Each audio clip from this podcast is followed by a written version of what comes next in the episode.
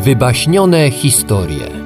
Baśnie, legendy i inne bajania czyta Michał Kwiatkowski.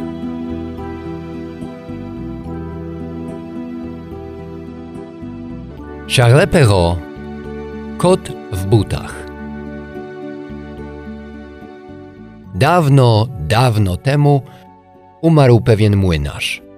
Najstarszemu synowi zostawił w spadku młyn, średniemu osła, a najmłodszemu tylko kota. No, jest to pewna różnica, powiecie, ale taki już był ten stary młynarz. Najstarszy syn przejął młyn. Średni zabrał osła i wyruszył w świat szukać szczęścia. Trzeci natomiast usiadł na kamieniu i wzdychał. A co ja mam zrobić z tym kociskiem? Usłyszał to kot i odezwał się w te słowa. Nie martw się, panie. Myślisz, że jestem mniej wart niż na wpół zrujnowany młyn, czy jakiś tam wyleniały osioł.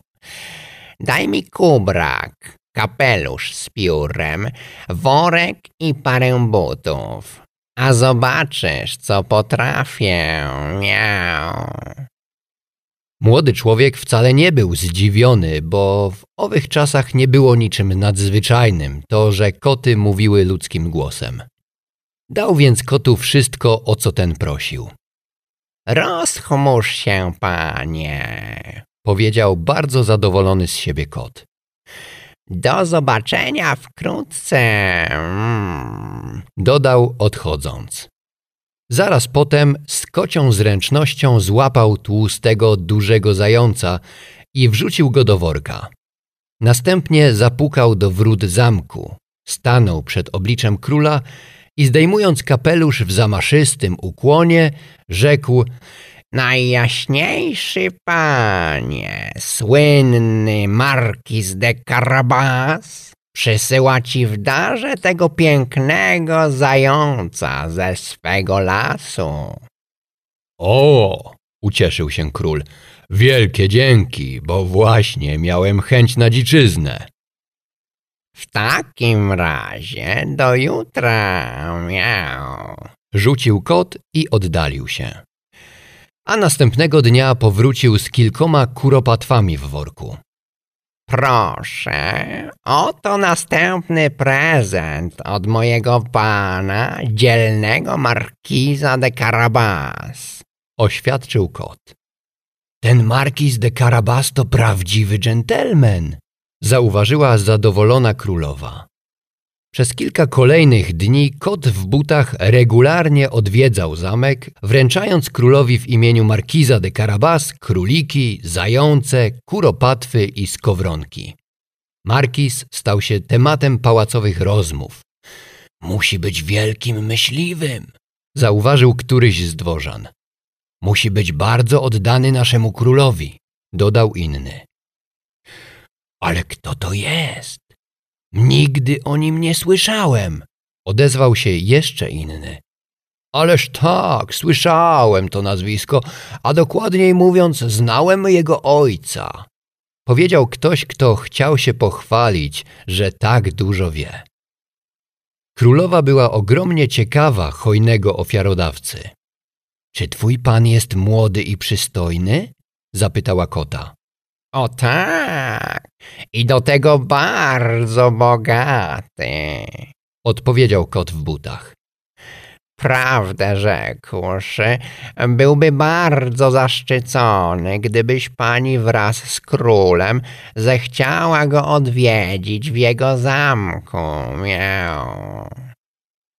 Gdy kot wrócił do domu i powiedział swemu panu, że król z królową wybierają się do niego z wizytą, młodzieniec wpadł w panikę. Co my zrobimy? krzyczał.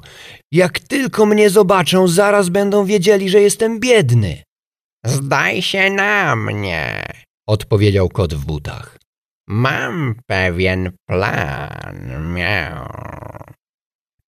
Przez kilka następnych dni sprytny kocur dalej nosił podarunki królewskiej parze, aż pewnego dnia dowiedział się, że tego właśnie popołudnia król z królową oraz córką wybierają się na przejażdżkę karetą.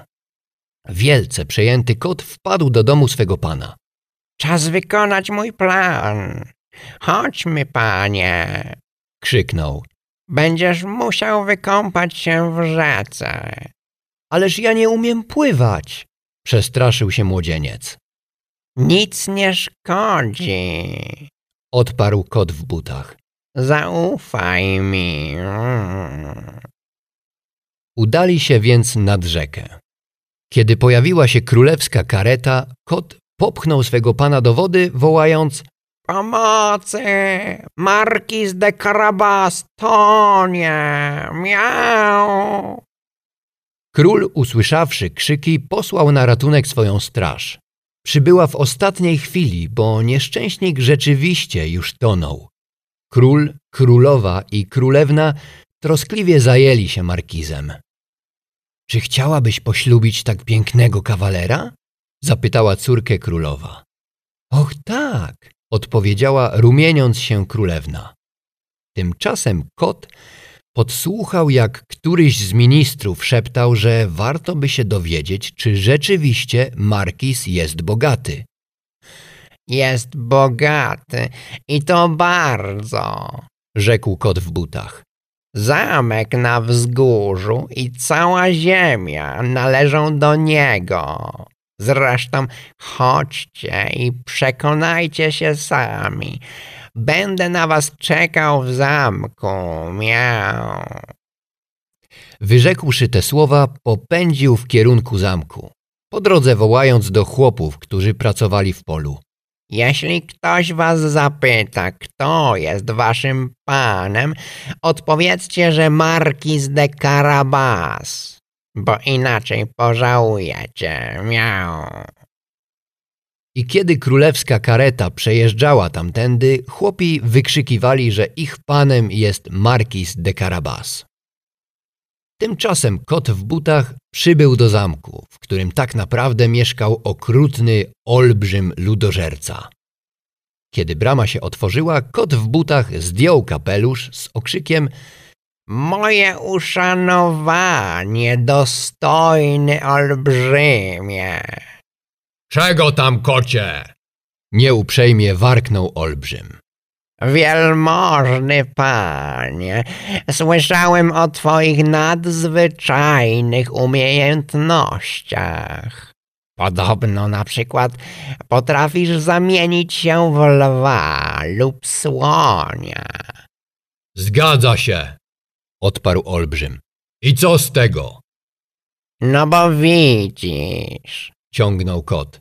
Rozmawiałem z pewnym znajomym, który uważa, że może i potrafisz zamienić się w wielkiego lwa, ale na pewno nie w maleńką myszkę. Miau. Ach, tak właśnie uważa, he? Ryknął olbrzym. Ja też tak sądzę, wielmożny panie, bo na ogół ci, którzy potrafią dokonać wielkich rzeczy, nie dają sobie rady z małymi, rzekł kot. Ach tak, no to patrz, odparował olbrzym, stając się myszką. Jednym susem kot złapał mysz i połknął ją po czym pędem dopadł bramy zamku. W samą porę, bo królewska kareta akurat się przed nią zatrzymała. Najjaśniejszy panie, witaj w zamku markiza de Carabas. Król, królowa, królewna i syn młynarza, który w strojach książęcych rzeczywiście wyglądał jak prawdziwy markiz, wysiedli z karety.